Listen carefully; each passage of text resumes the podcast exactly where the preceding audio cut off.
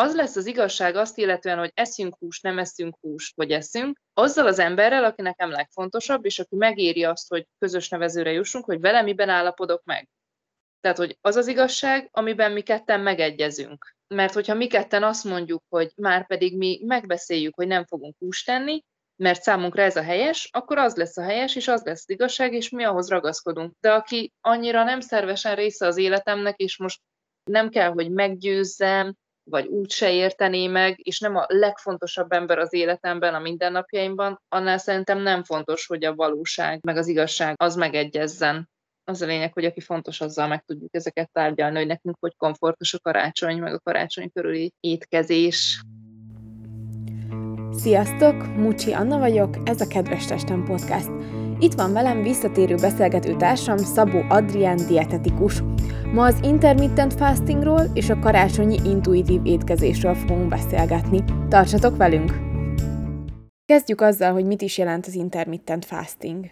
Időben korlátozva van az étkezés, tehát ilyen szakaszos bőtölésről van szó gyakorlatilag, ami olyan időarányban szokott megoszlani, hogy egy nap során mondjuk 8 óra hosszán keresztül eszik valaki, és mondjuk 16 órán keresztül egyáltalán nem fogyaszt semmilyen kalóriát, csak vizet vagy üres teát fogyaszt.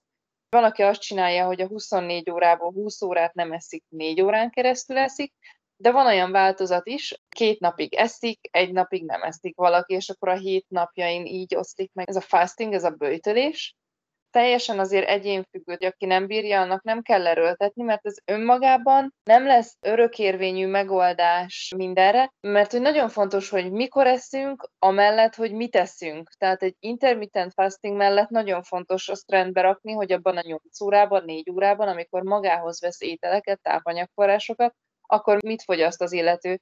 Nálam ez akkor fordul elő, hogyha reggeli nélkül indulok el dolgozni, és legközelebb csak délben van idő menni, tehát kimarad az első étkezés. Amikor nála csak kimarad a reggeli, akkor ott hiányzik az a fajta tervezett étkezési mintázat, amit az intermittent fasting jelentene igazából. Úgyhogy azt szerintem nevezzük más néven, de próbáltad konkrétan kivitelezni, tervezetten, vagy csak ilyen véletlenszerűen? Volt, hogy próbáltam tervezetten, de én nagyon-nagyon éhes voltam, meg szerintem az én munkámmal ez nem összeegyeztethető, hogy ne egyek. Tehát, hogyha mondjuk be kell állni a műtőbe reggel 8-kor vagy fél 9-kor, és benne állsz 4-5 órát, nem teheted meg, hogy te tízkor kimenj, hogy jaj, nekem most kajálnom kell. Szerintem ez nem nekem való sajnos. Több mindenkinél tapasztalom, hogy belátja, hogy nem neki való, de van, aki meg imádja, és el se tudja képzelni nélküle, mert hogy olyan jó rendszert ad az életének, úgyhogy valakinek segít, de vannak kifejezett célcsoportok, akiknek meg egyáltalán nem segít. Tehát akinél azt gondolja, hogy na végre valami rendszert vág az életembe, és hogy majd az intermittent fasting lesz az, ami megoldja az ő problémáját, igazából beleesik az egyik divat diétából egy másik görcsös, kívülről korlátozott, szabályozott, saját teste jelzéseire nem fókuszáló valami trendre, diétára rááll vagy például a cukorbetegeknek sajnos nagyon sokan mondják, hogy cukorbetegségben egyértelműen jó ez, ez az időszakos bőtölés, és ez nem, ennek még nincsen megfelelő szakirodalma egy inzulinrezisztenciában, vagy amikor családban van rá hajlam, és szeretnék kipróbálni, abban már vannak elég pozitív kicsengésű vizsgálatok, de azért számos esetben nem, vagy mondjuk olyat is hallottam, hogy anyuka szülés után meghízott a második gyerekével, és akkor a nagyobbik lányával együtt csinálta. Szóval, hogy gyereknél ilyet még ne csináljunk, meg evészavarosnál is szerintem lelkileg bizonyos szempontból akár teher lehet. Tehát nem gondolom, hogy egy ilyen intermittent fasting lesz megoldás az olyan fajta problémára. Krónikus betegségek esetén sem mindig megoldás. Akkor miért tűzik ezt mégis annyira sokan? Mi benne annyira jó? Hiába tudnék durogtatni óriási volumennel bíró gondolatokat, hogy mi mindenben segít amúgy az intermittent fasting. Elmondom, hogy nekem miért tetszik. Én nem csinálom, kipróbáltam, illetve amit én szoktam csinálni, ha ideális helyzet van, például november az teljesen kimaradt így a Covid osztályos munkám miatt, de én arra szoktam figyelni, hogy ha van a hónapban egy olyan napom, ha mondjuk már fél napon van, annak is örülök, amikor tudom, hogy csak otthon vagyok, és minimális takarítgatást végzek, vagy olvasok, vagy megnézek valami filmet, vagy sorozatot, és tudom, hogy nem lesz olyan energia igényem, vagy nem lesz olyan koncentrációs munkám, amihez nagyon kell, hogy egyek, akkor beszoktam iktatni olyan napot, vagy fél napot, amikor nem eszek semmit, hanem nagyon odafigyelek arra, hogy sokat igyak. De hogy ez így ritkán, és ennek is abszolút van szerepe, illetve ha megcsinálnánk azt, hogy 8 órán keresztül mondjuk alszunk, és betartjuk azt, hogy refluxos panaszok elkerülése véget nem eszünk a lefekvés előtt 2-3 órával, és reggel, amint felkelünk, nem azt csináljuk, hogy az első pillanatban megiszunk egy puhár törpöt, hanem mondjuk egy órával később reggelizünk, akkor simán lehet, hogy összejön egy 10-11 óra, amikor nem eszünk, és a szervezet számára már az idő alatt is detektálható az a pozitív hatás, amit egy bőjtölés során megfigyelnek ezekben a vizsgálatokban. És milyen pozitív hatásokat figyelnek meg a bőjt során? Időszakos kalória megvonás, ez például a, a sejtekben lévő mitokondriumra, hát ez most nyilván nem neked magyarázom, meg valószínűleg nem is én fogom ezt jól elmagyarázni, hogy mit csinál a, a mitokondrium, de hogy ez a sejtekben az energia raktározásért, meg energia termelésért felelős kis sejtszervecske, a mitokondriumok működési aktivitása miatt lett jobb energiaszintje az illetőnek. Vagy például DNS regenerációban is van szerepe, gyulladásos aktivitás csökkentett, aminek meg ugye krónikus betegségek kapcsán, ugye mivel a legtöbb ilyen hátterében a gyulladás áll. Tehát ilyenekre vannak vizsgálatok, és nagyon sok az állati, és van valamennyi humán vizsgálat is, de nyilván még nagyon kevés. Nem kutatják 30-40-50 éve, azért vagyunk nagyon óvatosak minden kijelentéssel, mert még kevés a tudományos bizonyíték, illetve ha valami áll állatokon, az nem jelenti azt, hogy egy az egyben az emberen is működni fog.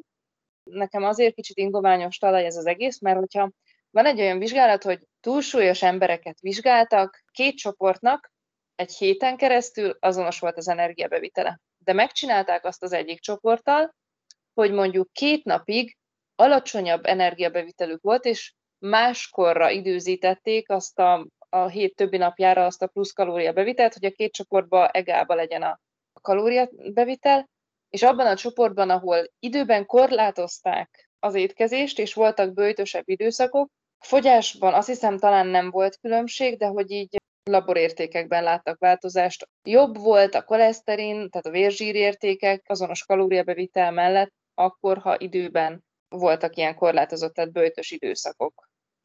És például akkor a lébőjt, az hogyan kapcsolódhat ide? Olyat mondjuk én csináltam, hogy egy hétvégéig levest, turmixot fogyasztottam, szóval semmilyen kenyérszénhidrát, hús, tojás, nem csak-csak zöldség meg gyümölcs, főként zöldség, és az abban jó volt, egyrészt önkontroll miatt, másrészt meg elindította a mikrobiomomnak az átalakulását, hogy már nem kívántam annyira a szénhidrátot.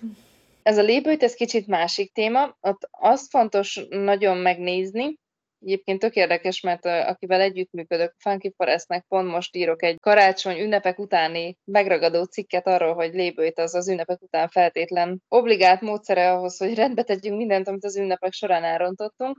És az fontos, hogy amikor valaki lébőjt kúrát végez, akkor azért, hogy mondjuk kibírja két nap költséget, gyümölcslevet, meg vizet, teát fogyaszt, akkor kicsit jobban odafigyel saját magára, és nem tudni, hogy ott, ami pozitív hatást tapasztalunk, az egyszerűen az, hogy odafigyelünk, hogy ne együnk meg annyi, bocsánat, szart, tehát, hogy ne együnk nagyon zsíros, nagyon sós, nagyon édes, nagyon cukros dolgokat, hanem mondjuk odafigyelünk arra, hogy egy csomó antioxidáns tartalmú zöldség meg gyümölcslevet ígyunk, amit előtte mondjuk egy hónapig eszünkbe se jutott, annak már önmagában ez az odafigyelés, ez lesz egy nagyon jó dolog, ha meg valaki befizet egy egyhetes lépőtáborba, mert hogy ilyen 50-60-70 ezer forintokért vannak ilyenek, akkor ott odafigyelnek arra is, hogy a szervezet méregtelenítését támogassák, persze ők úgy fogalmaznak, hogy méregtelenítő masszázs és méregtelenítő légzéstorna, azok is támogatják a regenerációt, és persze, hogy jobban lesz valaki, amikor végre kivesz magának egy hét szabadságot, és elmegy egy olyan helyre, ahol wellness fürdőbe jár, meg megbaszírozzák végre az agyongörcsölt testrészeit. Érdekes dolog,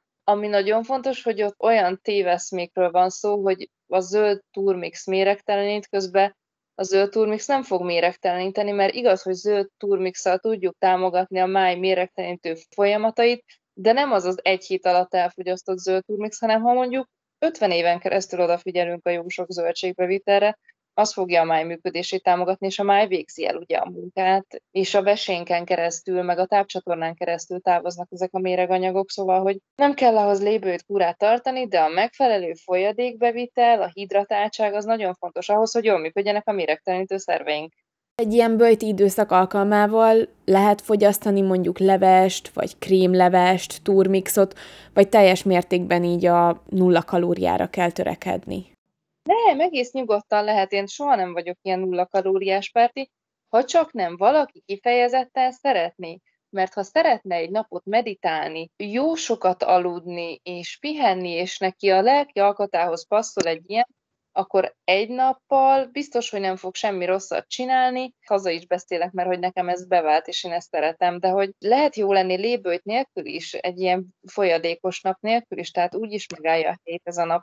Ha egy évben 365 napon keresztül amúgy egyensúlyban van a szervezete, meg jó leszik, akkor nincsen szükség arra, hogy odafigyeljen arra, hogy legyen egy nap, egy hónapban, amikor nem eszik annyit. Ez csak nekem így bevált, és nincsen vele semmi baj. És mondom önmagában az, hogyha nem zabálunk éjszaka közepén is, és teli gyomorral fekszünk le, és reggel korán kelünk, és már egyből eszünk valamit, akkor a mindennapi ritmusunk során is megvalósítjuk azt az időablakot, ami segít a szervezetünk megfelelő regenerációjában. De ezt mondd már, hogy Anna, te bélperisztaltika, hogy hogyan működik, arról Arról ti mit tanultatok, hogy milyen mozgásai vannak a tápcsatornának? Neked van ilyen bármi? Vagy nem tudom, hogy ez téged a szíved bármennyire is húzza a tápcsatornához, mert szerintem én nekem, ami nem fontos szervesen a munkámhoz, az életemból úgy, ahogy van, elfelejtettem. Az az igazság, hogy én viszonylag hamar eldöntöttem, hogy nem leszek gastroenterológus.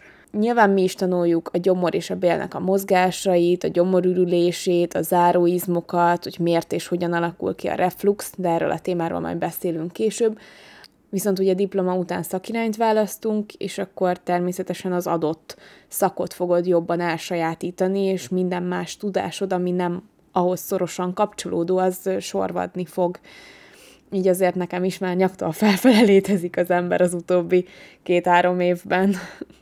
Amúgy ezt olyan érdekes mondani, hogy nyaktól fölfelé létezik az ember, én meg majdnem mondanám, hogy nyaktól lefelé létezik számomra meg az ember, csak hogy én mostanában nagyon sokat foglalkozom a bélflórával, meg a bélmikrobiommal. Novemberben volt a Magyar Mesterséges Táplálási Társaságnak a kongresszusa. Voltak kiállítók között különböző étrendkiegészítő gyártó cégeknek standja, és akkor voltak probiotikum gyártók is. Megkérdeztem, hogy mondják már el, hogy miért jó, hogy porformátumban a probiotikum a tablettással szemben és akkor mondták, hogy azért jobb, amikor porban van a liofilizált különböző törzsek abban a készítményben, mert beleöntjük vízbe, feloldódik, aktív állapotba kerül, és ahogy ezt megisszuk, nem igaz az, hogy a mikrobiom az csak a vastagbélben létezik, mert azt mondja, hogy nagyon nagy százalékban a vastagbélben kolonizálódnak ezek, de már a vékony bélben és a szájüregben is megvan a speciális blóra,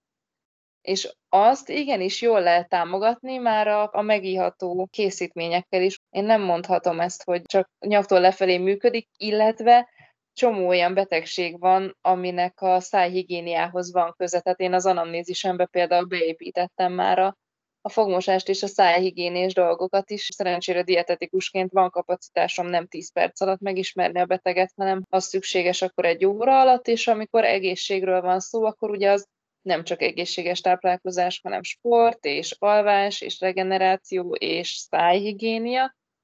És igen, a fogsájam az nem csak egy hülye luxus, de ezt majd lesz meghívott vendég, aki ezt sokkal jobban fogja tolni, vagy egyenesen te fogsz fogatmosni élőadásban, tudom.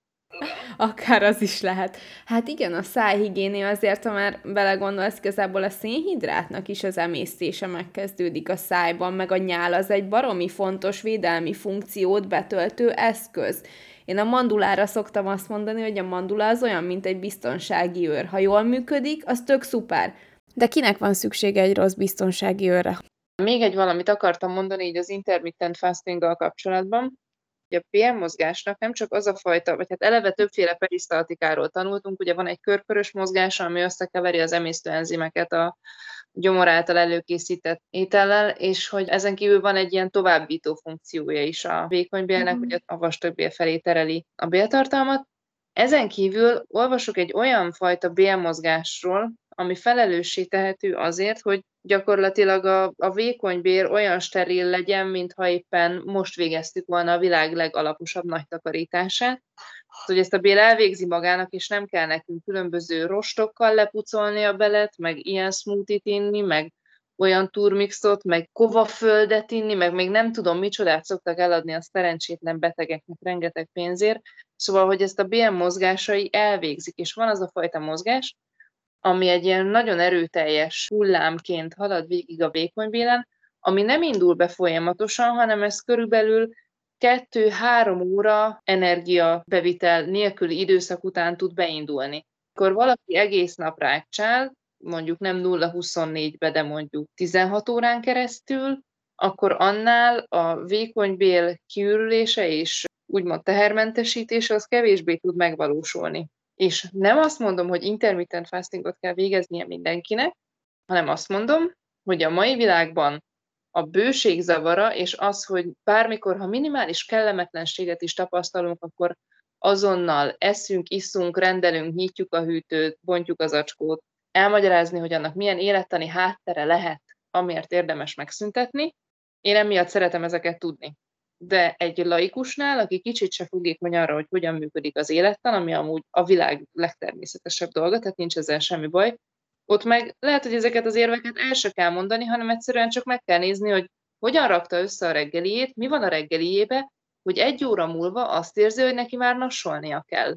Vagy milyen kapcsolata van az ételekkel, ami miatt neki egy óra múlva jön valami olyan hatás, amit azzal tud kezelni, hogy rendel valami finomságot, szóval, hogy nem mindenki számára lesz ez jó magyarázat, hogy hogyan működik a vékony bélperisztaltikája, tehát teljesen más megközelítésből is lehet ezt vizsgálni, de hogy ezeknek lehet létjogosultsága ezeknek az időzítős diétáknak vagy bőtöléseknek. A podcast második felében akkor térjünk rá a karácsonyi étkezésre. Hogyha tudjuk, hogy aznap nagyon sokat fogunk enni mindenhol a vendégségben, van-e értelme kihagynunk a reggelit, hogyan kössünk kompromisszumokat az asztalnál, és hogyan mondjuk nemet, hogyha meg nem akarjuk megbántani a nagyit, de már nagyon-nagyon sokat ettünk.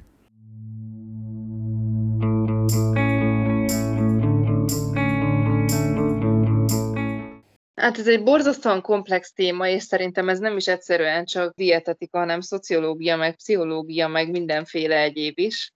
Ha jó érzéssel felkelünk és tudunk jó ízűen reggelizni, akkor kell lenni, és én egy ugyanolyan reggelit javasolnék, mint bármelyik hétköznapon. Egy kenyér, egy tojás, egy zöldfűszeres túrókrém, sok-sok-sok-sok zöldség, de ha éppen már előző nap is vendégségben voltunk, és van egy adag beigli, akkor meg lehet tenni egy szelet beiglit is nyugodtan reggelire. Szóval, hogy azért nem szeretem igazán ezeket a dolgokat, hogy hogyan csináljuk karácsonykor, mert ugye ezen semmi nem múlik, és hogyha nincsen meg valakinek a hétköznapi rutinjában az, hogy hogyan reggelizzen, akkor én most hiába mondom el, hogy hogyan kellene reggelizni egy jó vaskos ebéd előtt, nem fogja nagyon tudni megcsinálni, és csak teherként éli meg, és nem azon fog múlni az aznapi jó lakottságérzése, vagy a teltségérzete, vagy a komfortja.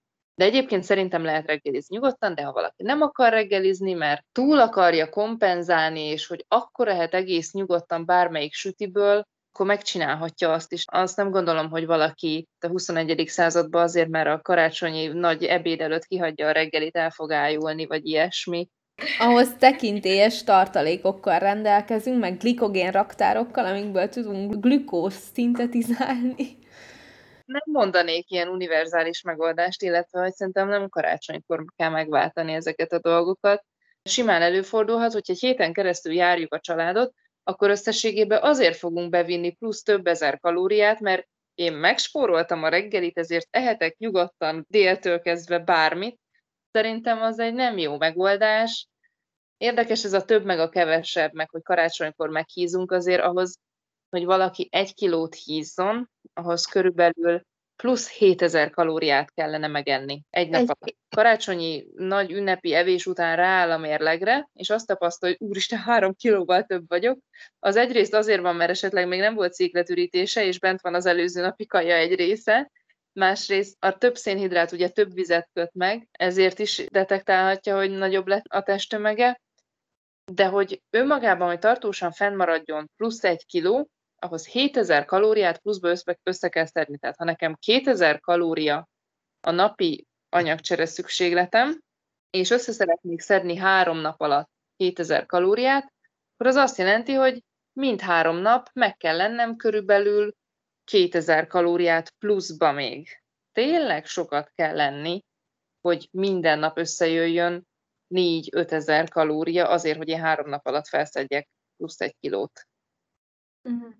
Nyilván felszedni könnyebb érthető okokból, mint leadni, de hogy azért ahhoz tényleg masszívan sokat kell lenni. De egyébként nincsen semmi baj, ha feljön egy kiló, bár az fontos, ahogy elmondtam ugye az intermittent fastingnál, hogy az oxidatív stresszt csökkenti, hogyha be vannak iktatva ilyen bőjtös időszakok, és sajnos az oxidatív stresszt fokozza a túlevés. Tehát érzelmileg és fiziológiásan is megterhelő a szervezetnek, ha nagyon sokat eszünk, tehát nem csak lelkileg leszünk tőle esetleg rosszul, hogy úristen, mennyit ettem, amivel amúgy egy-két nap alatt semmi baj nincsen. Meg néha az ember nem is veszi észre pontosan, mert azért oké, okay, hogy egy hétköznap során tudatosítsuk magunkba, hogy eszünk, és ne laptop előtt, meg vezetés közben rohanva, meg tanulás közben, hanem szenteljünk időt arra, hogy most igenis negyed óráig étkezek, de egy családi összejövetelnél meg ott van, amit a nagymama lerakott, és nem tudatosítom magamba, hogy éppen eszek, és akkor utána két órával később érzem, hogy ups, kicsit sokat ettem, mert ki kell gombolni a nadrágomat, de hogy ettől nem lesz baj, de úgy összességében hosszú távon érdemes elraktározni, hogy a túlevés az stressz a szervezetnek. Azt gondoljuk, hogy etetjük vele a lelkünket, és milyen jó stresszkezelési eszköz, de igazából többet ártunk vele, mint használunk. Egyrészt már nem helyén kezeljük az érzelmeinket, másrészt meg fiziológiásan is ártunk vele. Csak ezt a kicsit edd még meg. Jaj, ne hagyd ott a tányéron. Jaj, elrakom dobozba. Ezek az ilyen tipik karácsonyi mondatok. Meg nem ízlik a főztöm? Nagyon kedves barátnőm, Geiger Biankának hívják, ő készített velem egy interjút azzal kapcsolatban, hogy a karácsonyi étkezést én dietetikusként mit javasolnék, hogyan lehet könnyebbé vagy egészségesebbé tenni. És akkor nekem az volt így a tételmondatom válaszként, hogy a karácsonyi menün alapvetően nem azon kell változtatni, tehát nem ez annak az időszaka, hogy megreformáljuk az étkezéseinket, és itt szétválasztottam két irányba a válaszomat.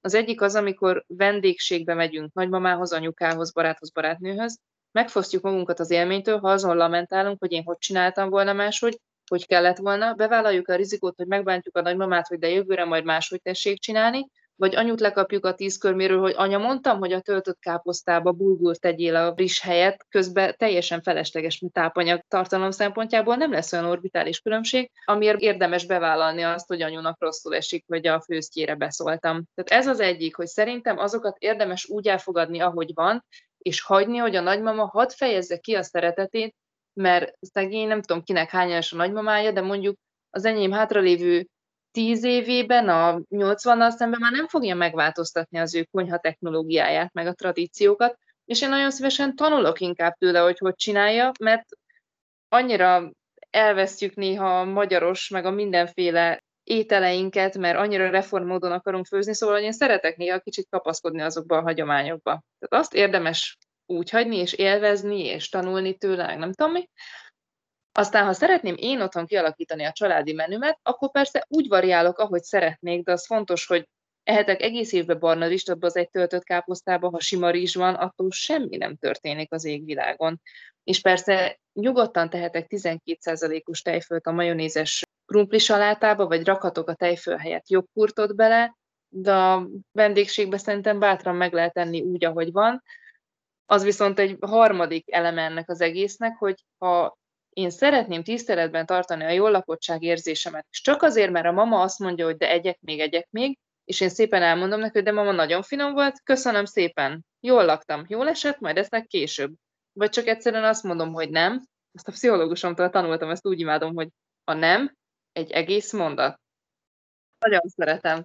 Szóval, hogy azért az ünnepek alatt is tiszteletbe tarthatjuk a saját határainkat. Tehát attól, hogy a mama az evés etetéssel fejezi ki a szer etetét, attól én még tarthatom a határomat, és mondhatom, hogy köszönöm, nem kérek többet, de szerintem érdemes neki is engedni, hogy közeledjen hozzám, meg nekem is tartani a határaimat. Az én korombeliek a családban mi nem igazán eszünk húst, de erről már beszéltünk talán korábban, nem vagyunk se vegánok, sem vegetáriánusok, csak szimplán én például annyira nem szeretem, tehát tudjuk, hogy a mama biztos, hogy húst fog csinálni. Nem ettől fog tönkre menni a föld, ha én évente egyszer eszek húst, És ugyanúgy meg azt is el kell fogadni, hogyha valaki azt mondja, hogy köszönöm, ebből nem kérek, hanem inkább akkor a zöldséget szeretném elfogyasztani, ez nem azt jelenti, hogy nem értékelem, hogy te főztél húst, hanem most én nem kérek. Hát pontosan ez, hogy különbséget kell tenni a között, hogy a mama azért csinálja, mert egyszerűen nem is érti, hogy hogy lehet máshogy, vagy a mama azért csinálja, vagy bárki rokon, vagy ismerős barát, nem tudom, nevezhetjük az ilyet barátnak, azért is húsos ételt csinál, hogy mert számon kérjen téged még tíz év vegánság után, és hogy miért nem vagy képes egy évbe egyszer megenni a húst, nem tartja tiszteletben a kívánságodat. Ez meg a beszélges jól account az Instagramon, ott volt ez a mondat, hogy akkor, hogyha az intelligenciája olyan az illetőnek, vagy megéri belefetszölni energiát, így le kell ülni vele, és megkérdezni, hogy nézd, tíz éve nem eszem húst, és nem érted meg. Segíts kérlek, hogy hogyan tudnék támogató lenni veled abban, hogy megértsd, hogy miért nem eszek húst. Hogyan segíthetnék én neked? Mert látszik, hogy az a rossz indulatú ember, aki tíz év után még mindig piszkál, annak van segítsége szükségre, tehát ő van bajba, te egy stabil lelkiállapotban vagy, ő meg szegény, valami nagyon izé, diszfunkcionális. Hát, de ugyanakkor, ha belegondolsz, a nagyszüleinknek a hús, az valójában a jólét szimbóluma. Hogy ők azt meg tudták venni, az asztalra tudták rakni, volt, hogy csak hetente egyszer tudtak húst tenni. Alapból nem volt annyira elérhető maga a hús, mint manapság. És ez egy olyan szintű generációs különbség, amit, amit egyszerűen nem biztos, hogy át tudunk hidalni, mert mi mondjuk úgy döntünk, hogy kevesebb húsárút vagy tejterméket fogyasztunk azért, hogy tegyünk a bolygóért, de ők meg nem értik azt, hogy ha te megtehetnéd, hogy eszel húst, akkor mégis miért nem? És azért ez nem a realitás, hogy elvárjuk egy 80x éves embertől, hogy megváltoztassa az ő saját kis gondolatrendszerét. Ez, ez nem egy reális dolog, ami szerintem teljesen rendben van.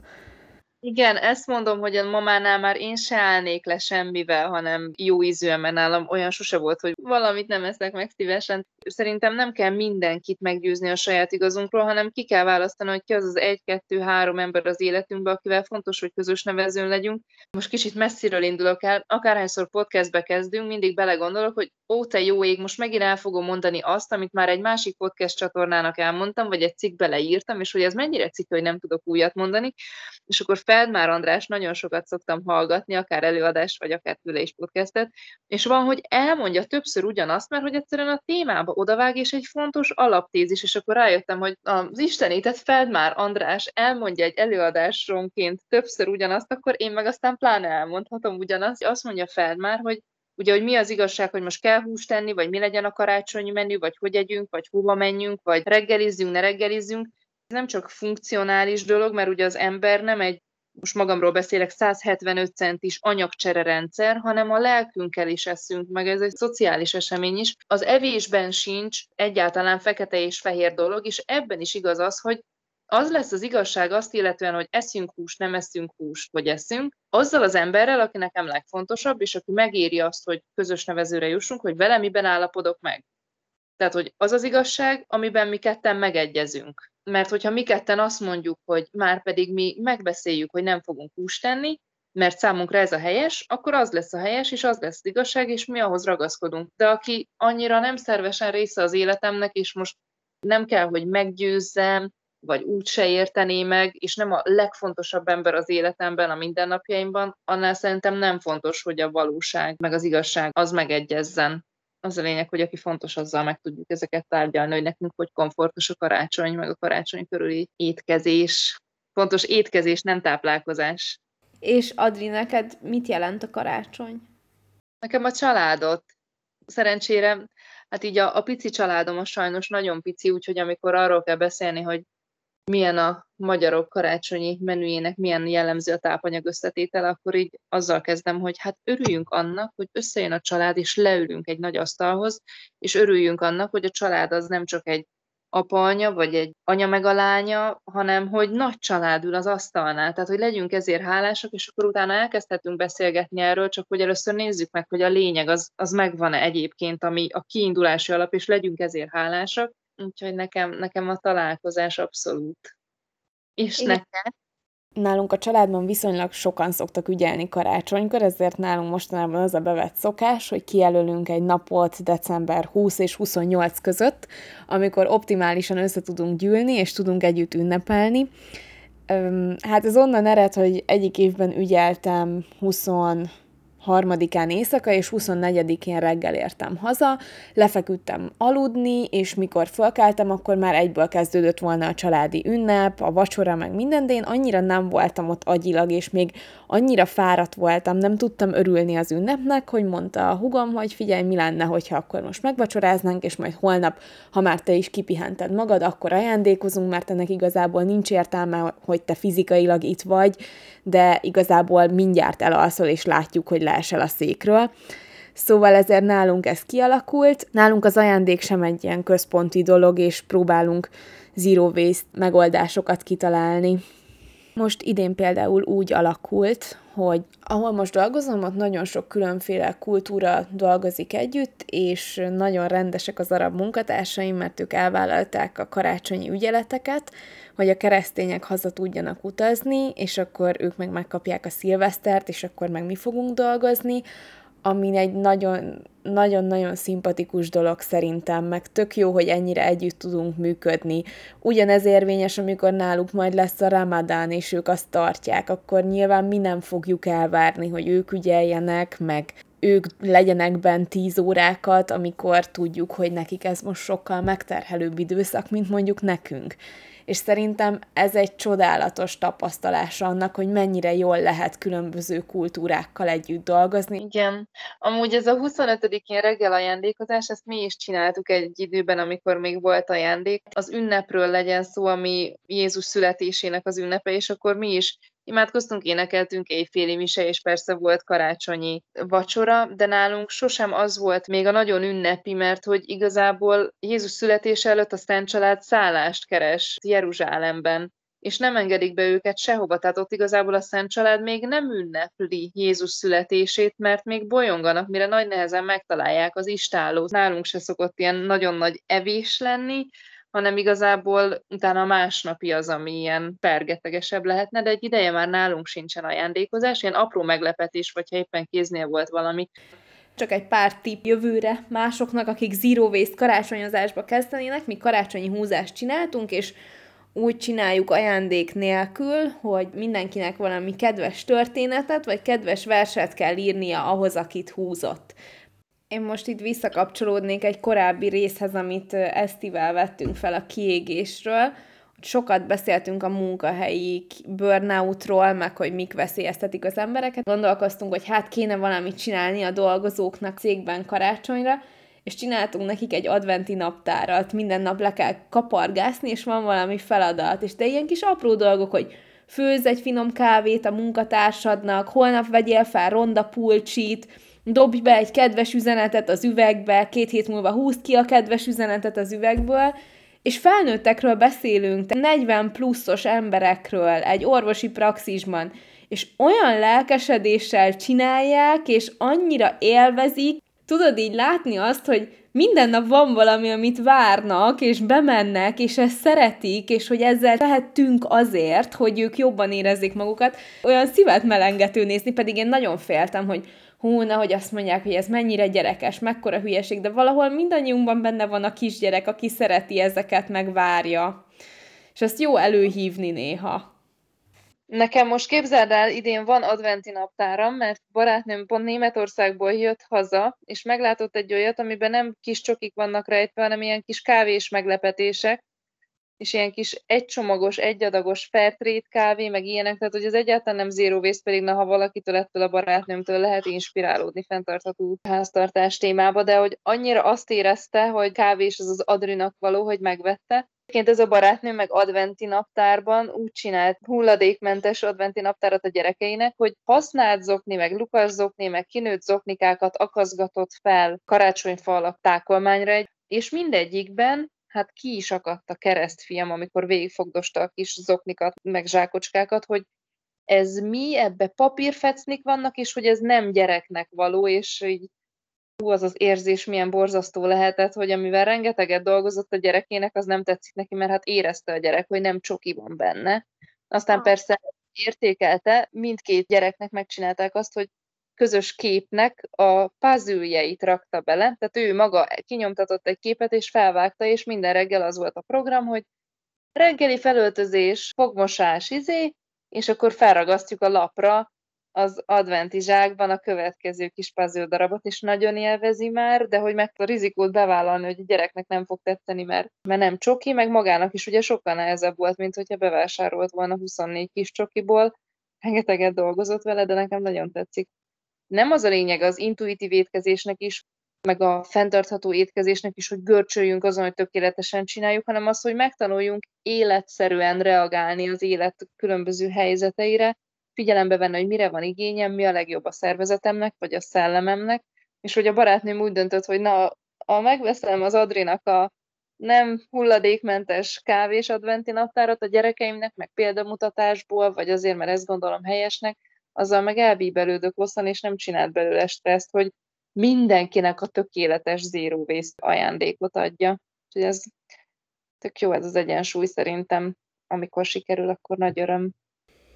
Köszönjük, hogy ma is hallgattatok minket, nagyon boldog karácsonyt és sikerekben gazdag új évet kívánunk nektek. Az új évet a borkóstolós epizóddal fogjuk kezdeni, addig mi is pihenünk egy kicsit, és rákészülünk 2022-re. Jó étvágyat mindenkinek a karácsonyi vacsorához, ebédhez, reggelihez!